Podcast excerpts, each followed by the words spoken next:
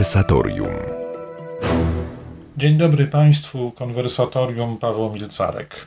Nie wiem, jak wspominają Państwo niedawny e, okres wydłużonej e, kampanii wyborczej, wyborów prezydenckich, ale myślę, że jakiekolwiek byłyby e, nasze wyborcze preferencje, wszyscy mamy w pamięci i możemy zresztą dalej odczuwać wszystkie wstrząsy ostrej walki politycznej. To normalne, zwłaszcza czas wyborczy kładzie nam w nasze własne emocje, w nasze własne rozmyślania, kładzie nam przed oczy konflikty polityczne, konflikty racji, a może też częściej po prostu konkurencję pewnych kandydatur, tak to ostatecznie się do tego sprowadza. W konwersatorium nie rozmawiamy o tych konkretnych politycznych wyborach,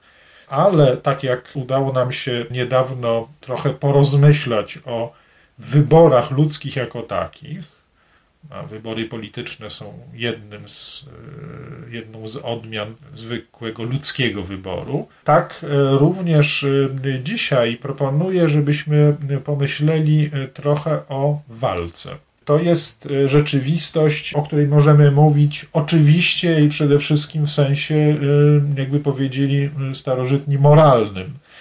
To znaczy w aspekcie tego, że walczy człowiek, że w walce podejmuje pewne decyzje, że podjęcie, zaprzestanie walki, jej określony sposób prowadzenia należy jakoś po prostu do sfery ludzkich rozważań i decyzji.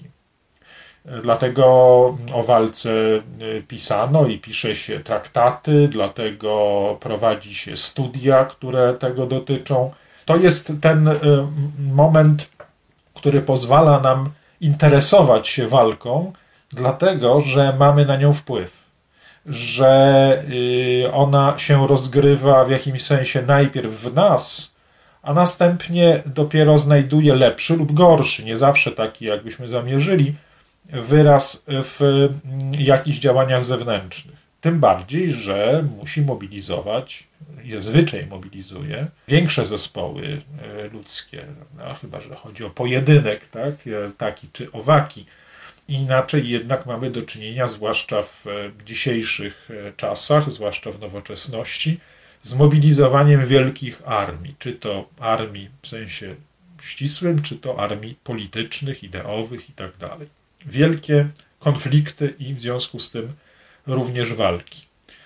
Ten aspekt moralny e, walki e, no, można jeszcze oczywiście i należy przedłużyć trochę na inny poziom, gdzie skoro coś zależy od naszych decyzji, czy to w sferze indywidualnej, na przykład odwagi e, moralnej, odwagi cywilnej, obywatelskiej, czy w wymiarze e, odwagi e, lub prowadzenia walki przez jakiegoś dowódcę jakiejś armii, tak? jeśli, jeśli są te miejsca, w których walka zależy od naszych decyzji, no to ma ona wymiar moralny także w tym sensie, że, że możemy ją mierzyć dobrem i złem, nie tylko mm, w tym sensie coś dobrego dla mnie, złe dla mnie, ale w wymiarze y, poważniejszym.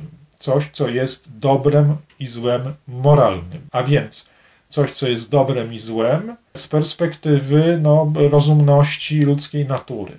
Tutaj otrzymujemy, jak zwykle w każdej nauce moralnej, różne światła. Tak? To podstawowe rzeczywiście jest światłem ludzkiego rozumu, jeśli uzyskujemy stan, który Arystoteles nazywał prawością rozumu, no to zaczynamy e, rozważać e, również e, działania należące do walki w kategoriach dobra lub zła w ogóle, a więc nie tylko korzyści lub braku pożytku lub straty dla mnie. To jest wyższy poziom, wiemy o tym i można z niepokojem stwierdzać, że, że rzadko niestety w takich wielkich konfliktach na ten poziom wchodzimy.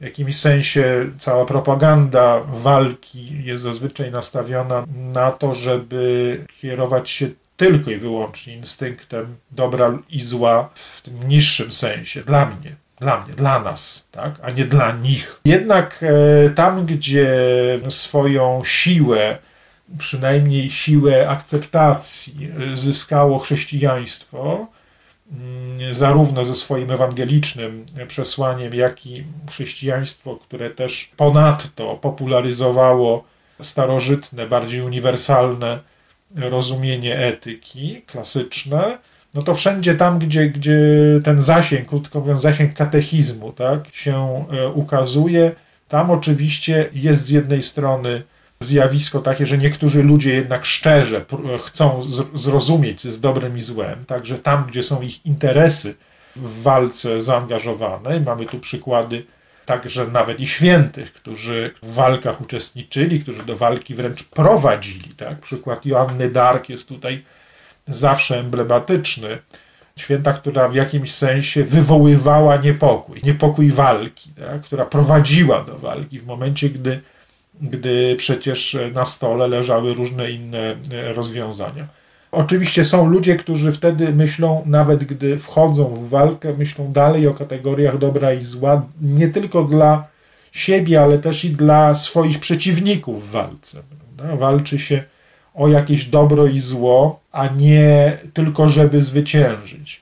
To jest e, ten wymiar no, bardzo poważny, powiedzielibyśmy też heroiczny, moralnego rozumienia walki, który pewnie w szerszym społecznie wymiarze ilościowym, no po prostu uzyskuje kształt częściej pewnej hipokryzji. Tak? Taki ludzie by chcieli czuć reprezentantami dobra i walczyć ze złem także w tym wymiarze uniwersalnym. Stąd no, propaganda polityczna, która w każdej walce, w każdej wojnie, tak, również mówimy o wojnach, które miały miejsce, wojnach, wojnach totalnych, wielkich wojnach, propaganda wykazywała się takim, taką umiejętnością, żeby zawsze pokazywać e, własne działania jako, jako działania po prostu święte, e, świętą wojnę, z przeciwnika zawsze jako, jako diabła. Nie wdajemy się w te sprawy, bo oczywiście bywają takie wojny, w których e, ta granica jest bardzo wyraźna i rzeczywiście można mówić o E, czy rzeczywiście prawdziwych z przeszłych wieków, czy jakoś podobnych do nich krucjatach, tak? a więc jakichś wojnach w imię czegoś ponad, czegoś uniwersalnego i rzeczywiście czasami świętego. To wymiar moralny konfliktu, ale oczywiście gdzieś obok tego, można powiedzieć też gdzieś, gdzieś poniżej tego, e, znajduje się ten wymiar naturalny wojny, bo wojna jest zjawiskiem naturalnym no, może nie dokładnie takim jak wyładowania elektryczne, jak burza, tak, która przed nami, nad nami przechodzi, robi roz, rozmaite zniszczenia, tak, i o której wiemy, że bywa. Wojny też bywają, a w znacznym, większym stopniu zależą od naszych decyzji, ale czy zupełnie od naszych decyzji, czy zawsze wyłącznie od naszych decyzji? No właśnie każdy z nas wie, że nie wyłącznie że nawet jeśli posiadają e, swój wymiar, jak powiedzieliśmy przed chwilą, moralny, a więc możemy wpływać na wojny, to jednak rodzą się, powstają w jakimś sensie jako zjawiska naturalne. No jest, to powie nam teolog, jest w naturze człowieka jakieś pęknięcie wynikające z e, niezaleczonej do końca rany odwrócenia się od pierwotnego planu Stwórcy, od samego Stwórcy. To jest doktryna grzechu pierworodnego. Ale niezależnie nawet od tej prawdy teologicznej, bo grzech pierworodny to jest zagadnienie, które poznajemy wyłącznie dzięki objawieniu i możemy analizować przede wszystkim jako na, na drodze teologicznej, to niezależnie od tego, Oczywiście każdy moralista powie nam o mm, różnych, no jakby to powiedzieć, naturalnych wyładowaniach elektrycznych w naszej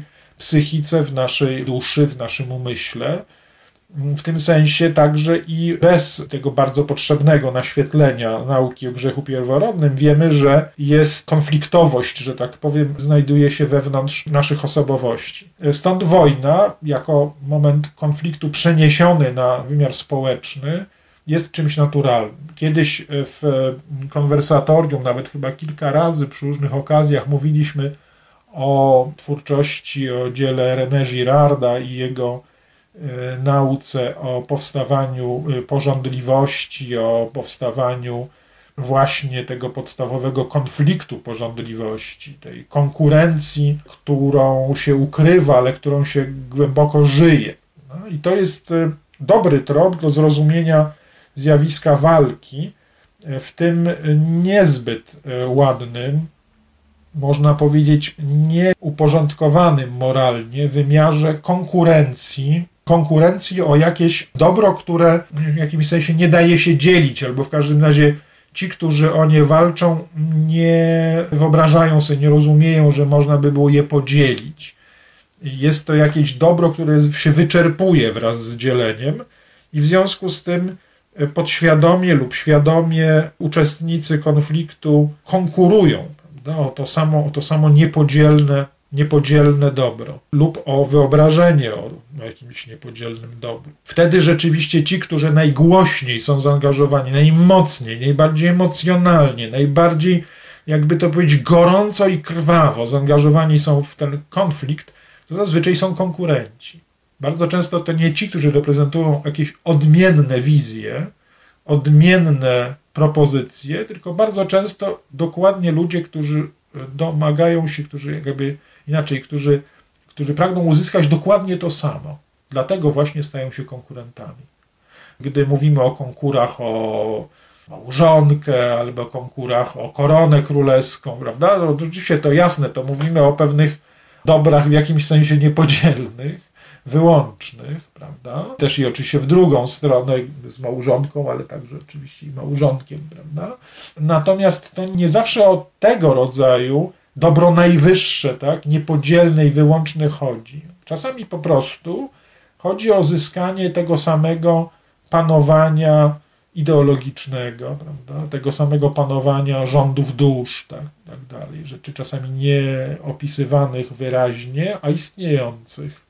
I w tym sensie konflikt nie tylko w świecie zwierząt, nie tylko w naturze, ale także wśród nas, ludzi, jest zjawiskiem naturalnym, które równocześnie jednak należy do sfery naszych decyzji. Gdzie przebiegają te mechanizmy, podstawowe mechanizmy walki w naszym wnętrzu, spróbujemy zastanowić się pokrótce za chwilę po przerwie.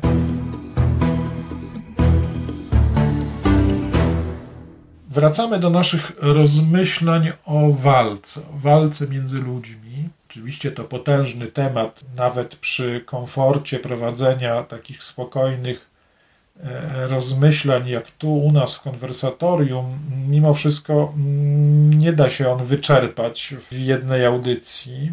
Więc e, proszę mi wybaczyć różne skróty i braki w tym podejściu do tego tematu, ale trochę próbujemy zobaczyć przynajmniej, jakby to powiedzieć, wierzchołki tego zagadnienia, zagadnienia walki, zagadnienia międzyludzkiej walki. Przed przerwą mówiłem o walce jako zjawisku równocześnie naturalnym i moralnym. To nie jest rozdzielone linią, strefą jakąś bardzo wyraźnie rozdzielającą te dwie sfery, wręcz odwrotnie. To jest dokładnie tak, że, że ta materia naturalna konfliktu i walki gdzieś do pewnego stopnia daje się opisywać i daje się również dysponować naszymi decyzjami. Nie do końca, nie, nie w pełni, ale gdzieś w pewnym momencie można kończyć walkę albo ją zaczynać. Można zawierać pokój, można zwyciężać, przegrywać. To wszystko to są rzeczy, które gdzieś mają też swój wymiar naszych, naszych decyzji. W związku z tym, oczywiście, każdy prawy umysł tak, próbuje także rozważać kwestie walki w kategoriach dobra i zła, o tym mówiliśmy, także w kategoriach cnót i wad. A więc w kategoriach takich czynników działających w, naszej, w naszym charakterze, w naszym moralnym wyposażeniu, tak, że można mówić o pewnych pewnych usprawnieniach, które, które na przykład pozwalają należycie, jak trzeba, prowadzić walkę. Albo na przykład jej unikać, gdy trzeba, prawda? Więc jest jakiś moment pewnego usprawnienia. Tak? Arystoteles w etyce nikomachejskiej będzie mówił o usprawnieniach, o sprawnościach, czyli pewnych w miarę trwałych usposobieniach, czy to intelektu, czy woli, które pozwalają potem szybciej tak, rozwiązywać pewne problemy. I między innymi także, także problem walki. Gdybyśmy zadali pytanie, jakie to usprawnienia, jakie to cnoty wiążą się moc najściślej z walką, to oczywiście trzeba było wymienić całą listę, ale pewnie takie dwie, takie dwie pozycje, o których warto od razu powiedzieć, to jest jasne, to jasne męstwo i sprawiedliwość. Męstwo, cnota, która nie jest po prostu zwykłą odwagą, umiejętnością uczestniczenia w, czy bycia w sytuacjach niebezpiecznych. Tak? To jest jakaś odwaga. Czasami wręcz e, można powiedzieć rozwijająca się w nauk szukania niebezpieczeństwa. I to nie jest jeszcze żadne męstwo.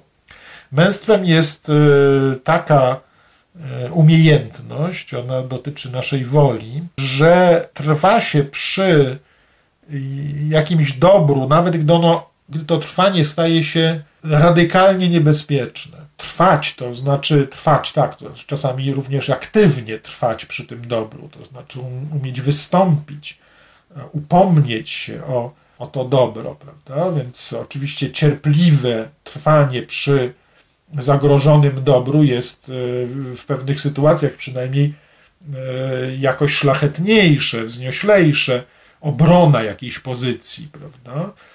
która w opinii wielu jest nie do e, obrony, a czasami nie, nie ma innego wyjścia moralnego, jak, jak bronić. Tak? No ale oczywiście też i druga sytuacja wystąpienia. Obie mówią o pewnych działaniach mężnych bronić i wystąpić, czasami wręcz wydać walkę, rozpocząć jakiś spór, rozpocząć jakiś konflikt.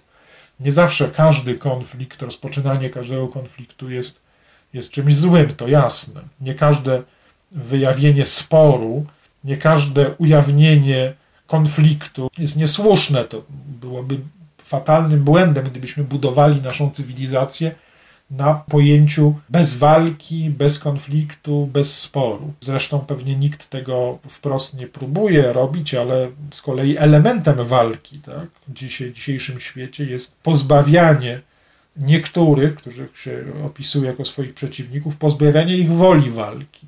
No, propaganda pacyfizmu, na przykład w latach 60. XX wieku, 60. i 70., była w jakiejś mierze także elementem walki. To na marginesie. Natomiast wracając do naszego zagadnienia męstwa, powiedzmy sobie, że to, co klasycy tutaj, Tomasz Zakwinu w traktacie także o, o męstwie, co, co, co na ten temat powiadają, no mówią rzecz, która mocno zawęża sprawę. Mianowicie mówią o męstwie jako sprawności radzenia sobie z niebezpieczeństwem najwyższego jakby ludzkiego rzędu, czyli niebezpieczeństwa śmierci. Tam, gdzie jest sprawa życia i śmierci, tam dopiero w grę wchodziłoby męstwo. Oczywiście do tego dochodzi także u Arystotelesa taki rodzaj do powiedzenia, że, że, że z kolei bardzo podobne do męstwa są różne umiejętności, różne sprawności, które dotyczą niebezpieczeństw jakby innego,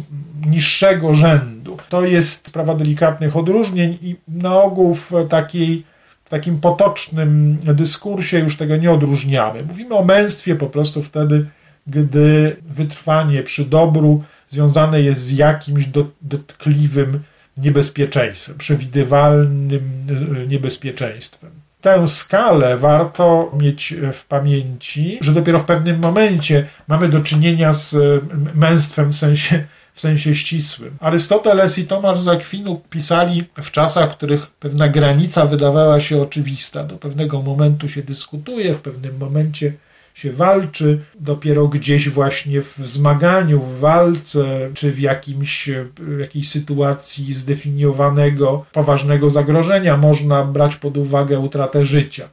E, i wtedy dopiero jest męstwo. My dzisiaj mamy trochę pewnie inne podejście też do tego, dlatego że my już dzisiaj mówimy na przykład o śmierci cywilnej, mówimy o utracie dobrego imienia, co dzisiaj znaczy coś więcej, bo można powiedzieć, że trudniej jest się ukryć dzisiaj przed opinią. Jest się bardzo szybko na widelcu, że tak powiem, opinii publicznej. Jest się często, mieszka się jakby jak w akwarium, ciągle widoczny, ciągle komentowany, ciągle omawiany. W związku z tym życie człowieka należy jakby w większym stopniu podlega jakby w większym stopniu nieustannym ingerencjom, nieustannym komentarzom, nieustannym jakimś również e, opowieściom, które, które są wokół realnej osoby gromadzone. I to też jest jakiś moment zagrożenia, bo można kogoś w tym sensie również uśmiercić, tak? albo gloryfikować. A więc e, męstwo, kwestia męstwa również staje w trochę innym świetle dzisiaj. Tak? Mamy więc kwestie życia i śmierci także w tym wymiarze moralnym, powiedziałbym medialnym, tak? takim, że ktoś e, na przykład jest albo nie jest, istnieje albo nie istnieje w wymiarze publicznym, jako osoba dobrze notowana, źle notowana. A więc też i kwestia sławy. Dawniej mówiłoby się o sławie, o czci. Coś z tego pozostaje do dzisiaj, ale w związku z tym możemy też mówić oczywiście o męstwie w wymiarze pewnego sporu publicznego. To jest kwestia męstwa, walka jako zderzenie, w którym trzeba być mężnym. To nie znaczy, że zawsze mężni zwyciężają, że ten, kto jest bardziej mężny, ten, ten zwycięża. To byłoby bardzo dobrze. Tak? Wtedy wojny kończyłyby się zawsze zwycięstwem bardziej cnotliwych bo męstwo jest cnotą, męstwo jest umiejętnością, której nie można użyć dla zła. Ona z definicji jest służbą dobru. W związku z tym no, jest dla nas oczywiste, że to wcale nie znaczy, że ludzie mężni stają się e, zawsze bardziej waleczni, e, w tym sensie, że również są zawsze lepszymi wojownikami i zawsze w związku z tym zwyciężają nawet gdy mamy do czynienia z wyrównanymi siłami, gdy można powiedzieć, nie ma tak, że mężny zostanie osaczony przez, przez mnóstwo złych ludzi, po prostu polegnie pod ich naciskiem, to nawet w sytuacji wyrównanych szans wcale nie znaczy, że mężny zawsze zwycięży, bo mężny ma właśnie ograniczenia męstwa, ma zawsze to, co jest związane ze służbą dobru. Wcale nie znaczy, że zawsze w konflikcie dobra i zła, tutaj na Ziemi, w aktualnym jakimś konflikcie zwycięża dobro. To wiemy bardzo dobrze, tak, że tak nie jest. Natomiast bardzo często męstwo jest zastępowane jego podróbkami, jego erzacami, które są bardzo podobne. Mówiliśmy o odwadze, która jest takim, takim materiałem dla męstwa ludzie odważni łatwiej zostają ludźmi mężnymi, mają, mają takie predyspozycje, żeby stać się mężni. Ludzie z natury mało odważni mają kłopot z zostaniem ludźmi mężnymi, ale również mogą nimi zostać. Tylko będzie to bardziej u nich wypracowane, wystudiowane, ale ostatecznie na końcu może być i bardziej sprawne. Natomiast y, ludzie odważni nieraz sądzą, że są mężni. Arystoteles w swoim rozdziale o swojej księdze o, o męstwie w etyce nikomachejskiej analizuje przypadki, w których ludzie właściwie na zewnątrz wydaje się zachowują się jak ludzie mężni, ale w pewnym momencie okazuje się, że to nie jest żadne męstwo, tylko że coś podobnego, jakaś, jakaś jego podróbka. Świetnym przykładem tego jest męstwo, mówi męstwo żołnierskie. U nas w naszej polskiej e, tradycji to jest bardzo wysoko ustawiona e, rzecz, tak? Nasz order, e, najwyższe odznaczenie virtuti militari, męstwu żołnierskiemu. Wydaje się, że jakby nie ma czegoś wyżej postawionego, tak? Dla Arystotelesa męstwo żołnierskie siła żołnierska jest właśnie związana z zaufaniem w oręż. Po prostu nie buduje się męstwa armii na indywidu, wyłącznie na indywidualnym i osobistym męstwie żołnierzy. To byłoby nierealistyczne. Buduje się siłę armii i męstwo żołnierzy na zaufaniu, że jesteśmy liczniejsi, lepiej przygotowani, mamy lepszy sprzęt. I dopiero wtedy nasza, nasza, nasze działania będą skuteczne. Oczywiście w naszej polskiej tradycji i siła, i ilość sprzętu bywały bardzo ograniczone, i dlatego rzeczywiście częściej y, próbowaliśmy budować na osobistym męstwie ludzi, którzy bywali naszymi żołnierzami. Dlatego może czasami ta, ta, ta granica nam się zaciera. Ale człowiek, który ufa swojemu sprzętowi, ufa temu, że jest y, w lepszej sytuacji, albo na przykład inaczej, już wychodząc poza kwestie żołnierskie czy armii, człowiek, który na przykład wydaje mu się bardzo odważny czy mężny, dlatego że zaufał y, fałszywej propagandzie sukcesu. No, jest przekonany, że zagrożenie jest minimalne albo że może jest bardzo duże, ale nasze siły są jeszcze większe. Zawsze buduje na na tej dysproporcji. Tak? Nasza, nasze siły są na pewno, zwyciężymy, jest nas więcej i tak dalej. To są y, przypadki fałszywego męstwa, y, które bardzo szybko kończy się, gdy rozwiewają się złudzenia. Sprzęt zawodzi, wtedy jedyne rozwiązanie porzucić sprzęt i uciec od niego. Rozwiewa się wizja y, własnej wielkości i wtedy wpada się w desperację nic nie wyjdzie, będzie przegrana i tak dalej. Ludzie mężni muszą być mężni indywidualnie, co oczywiście buduje kapitał męstwa społeczny, jasne. Tak jak zawsze ludzie moralnie lepiej dysponowani niejako promieniują tak, na swoje otoczenie. Jeśli jest ich pewna ilość, pewien procent, to uzyskują jakby pewną przewagę w swoich środowiskach, w jakimś sensie budują pewien etos do którego dostosowują się także inni ludzie, czasami nie przyjmujący z tego etosu wszystkich zobowiązań, ale przynajmniej próbujący nadążać. Zagadnienie męstwa wiążące się z zagadnieniem walki. Za chwilę spróbujemy pomyśleć o sprawiedliwości w walce.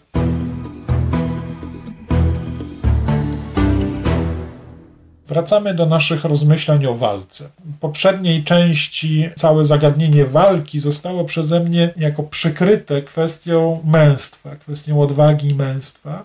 No bo to jest z punktu widzenia pewnych zasobów, pewnych możliwości prowadzenia walki e, kwestia zasadnicza. Jeśli walka to pole, na którym trzeba zwyciężać. Już nie ma po prostu rozwiązania takiego, że można zwyczajnie jakoś tam unikając konfliktu właśnie dalej sobie trwać, próbować, próbować żyć tak, jakby konfliktu nie było. Jeśli jest się w walce, to y, jest się na polu, w którym trzeba zwyciężyć. I wtedy oczywiście umiejętność zwyciężania jest jakoś związana, ale powiedziałem, że nie tożsama z kwestią męstwa. Być mężnym to nie zawsze znaczy zwyciężyć w tej konkretnej walce, ale zawsze znaczy nie dać się walce zniszczyć. Bo jest rzeczą oczywistą, że walka wcale nie jest ze swojej natury czymś uszlachetniającym człowieka. Jest oczywiste, że walka o której często myślimy w kategoriach właśnie bohaterskich i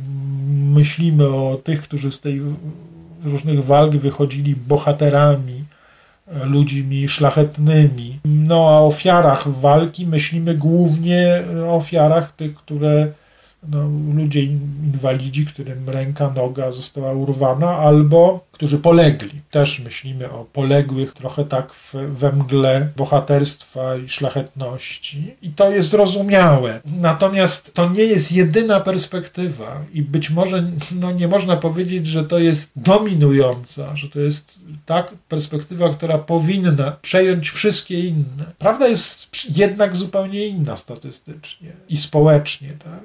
Walki, z wielkich konfliktów ludzie wcale nie wychodzą oczyszczeni i ulepszeni. Bardzo rzadko wychodzą lepsi. To prawda, że wielkie trudne konflikty, dobrze przeżyte, czasami dają niektórym społeczeństwom, tak jak niektórym ludziom, taką szansę odbicia się do lepszego. I rzeczywiście jest prawda w pomnikach, w napisach na pomnikach, w deklaracjach składanych na zajutrz po wojnie, gdzie ludzie nie chcą już wejść w te niesprawiedliwości, w to zło, które było u podstawy jakiegoś konfliktu. Gdy obchodzimy różne rocznice, czasami rocznice jakichś e, walk przegranych, ale jednak heroicznych, to myślimy sobie, że na przykład jakieś dobro, z którego korzystamy, dobro ojczyzny, dobro pokoju ojczyzny, że to jest bardzo cenne dobro, że ludzie kiedyś oddawali za nie swoje życie i myślimy o tych sprawach właśnie dlatego, żeby unikać tego swoim postępowaniem, swoją polityką,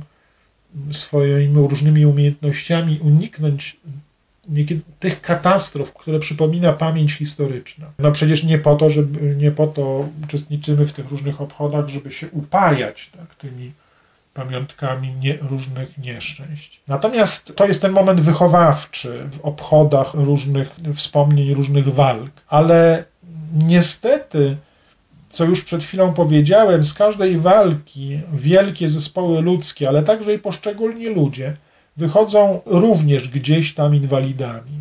Nie zawsze tymi szlachetnymi inwalidami, takimi na ciele, prawda, gdzieś tam naruszonymi, uszkodzonymi, których na przykład blizny i rany mogą być też znakiem y, jakiegoś bohaterstwa, a w każdym razie poświęcenia, albo po prostu wiernej służby, ale do tego po prostu dochodzą też liczne szkody, blizny na duszy, na, na umysłach, zwłaszcza w tych wojnach, które angażują całe społeczeństwa. Tych szkód jest bardzo dużo. Tym bardziej, prawda, musi być prowadzona jakaś praca, która, która powoduje, że, że, że mimo tego najbardziej bestialskiego wymiaru wojen i walk, ludzie raczej z tych wszystkich zepsuć oczyszczają się właśnie przez wejście na jakiś wyższy poziom. Nazajutrz po II wojnie światowej jeden z wybitnych polskich intelektualistów, y, ksiądz Konstanty Michalski, opublikował książkę, którą też wielu czytało, ale można powiedzieć, że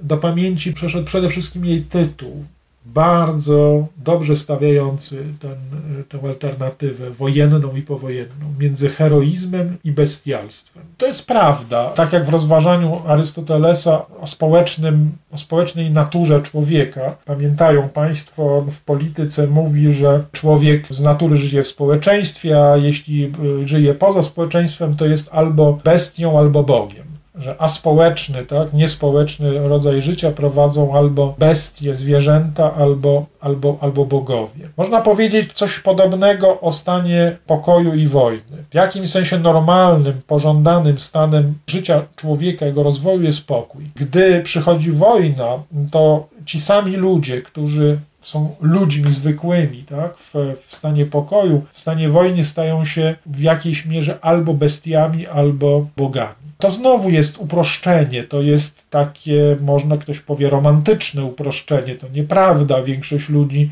jednak pozostaje w swoim miejscu, jakoś próbuje e, się ratować, nie być naruszonym przez wojnę, tak? nawet jeśli jest się w nią zaangażowanym. Ale coś z tej alternatywy jest w stawce życia każdego, kogo wojna dotyczy. I teraz busola życia, której ważną rolę odgrywa cnota sprawiedliwości, jest w przypadku wojny bardzo czymś ważnym. Stąd y, rozważania o sprawiedliwej albo niesprawiedliwej walce czy wojnie, no kiedyś bardzo intensywnie prowadzone, one mają swój głęboki sens, bo człowiek znajduje się w wojnie, w stanie wojny, nie, nie zawsze dlatego, że chce, nie zawsze dlatego, że zamierzył wojnę Dlatego w traktatach o wojnie sprawiedliwej powiadało się zawsze, że to jest wojna, której nie da się uniknąć, tak? konflikt, którego nie da się uniknąć. Zwykle wojnami sprawiedliwymi są wojny w tych klasycznych traktatach, wojny obronne.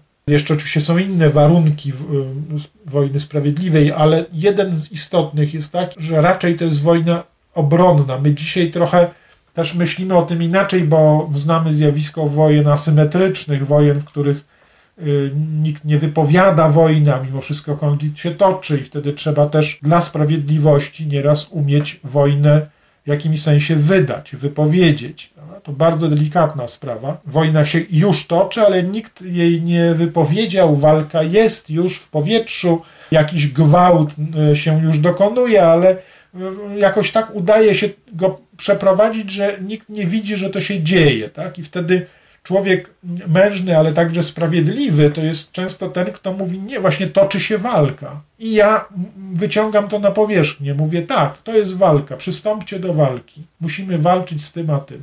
I wtedy oczywiście całe tony propagandy y, spadają na niego, w tym sensie, dlaczego pan wywołuje konflikt i tak dalej, i tak dalej. Już mówiłem wcześniej o tym, że czasami pacyfizm jest sposobem wojny, sposobem prowadzenia wojny. Otóż sprawiedliwość wróćmy do tego, w przypadku walki to jest zawsze jakby stawianie ponad nią pokoju. Walki prowadzone są po to, żeby każdemu, także swojemu przeciwnikowi, przydzielić pokój, przydzielić to, co jest ludzkim dobrem pokoju. Jakaś głęboka racja kryje się w tych e, często instrumentalnie bardzo traktowanych wyrażeniach. Wojna o pokój, prawda? To, to, to słyszeliśmy, to, to był jeden ze sloganów propagandy sowieckiej, ale on był dlatego e, tak potworny, że, że jest e, w swoim materialnym wymiarze prawdziwy.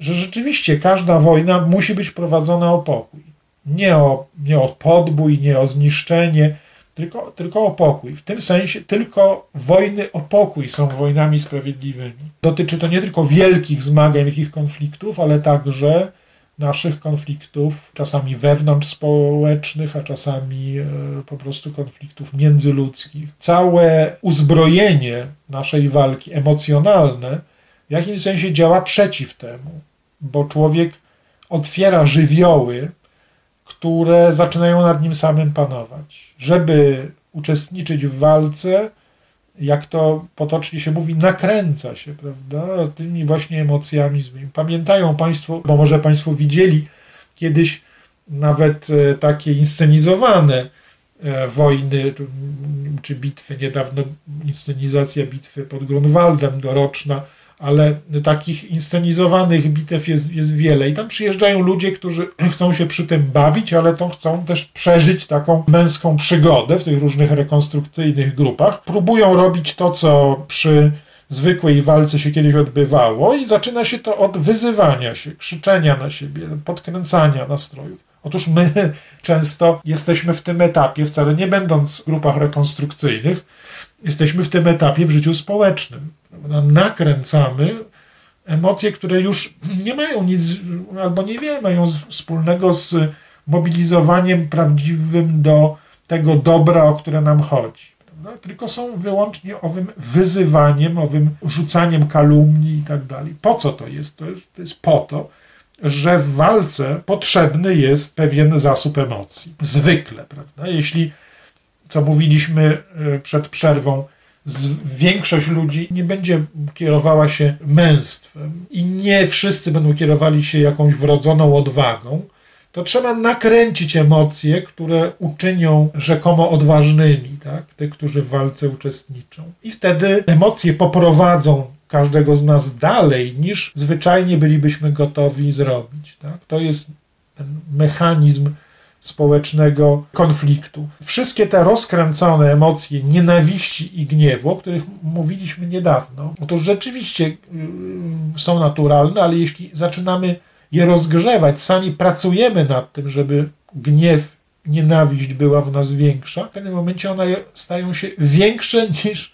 zdolność kierowania nimi i e, również większe niż sprawiedliwość sprawiedliwość, niesprawiedliwość przestaje odgrywać rolę. Odgrywa rolę to, czy się dokuczy, czy się zniszczy, czy się, jak się mówi, zmiażdży. Prawda? Dzisiaj zresztą częściej ma wymiar medialny, taki wirtualny. Szczęście, nieszczęście, że tak jest, ale prawda jest taka, że, że tego rodzaju wyobrażenia o walce w nas powstają. Walka prowadzona przez ludzi sprawiedliwych i mężnych pozostaje bardziej w bajce, legendzie, żywotach świętych. No cóż, ale one i tam istnieją po to, żeby wracały do naszego życia i cywilizowały jego, jego reguły. O walce jako zjawisku naturalnym, moralnym, o walce jako polu dla mężnych, o walce jako o rzeczywistości mierzonej przez sprawiedliwość i niesprawiedliwość mówiłem dzisiaj dla Państwa w konwersatorium. Zapraszam do konwersatorium w następną niedzielę, jak zwykle o godzinie 13, a tymczasem życzę dobrej niedzieli. Do usłyszenia. Paweł Milcarek. Audycja powstaje we współpracy z kwartalnikiem Chrystianitas.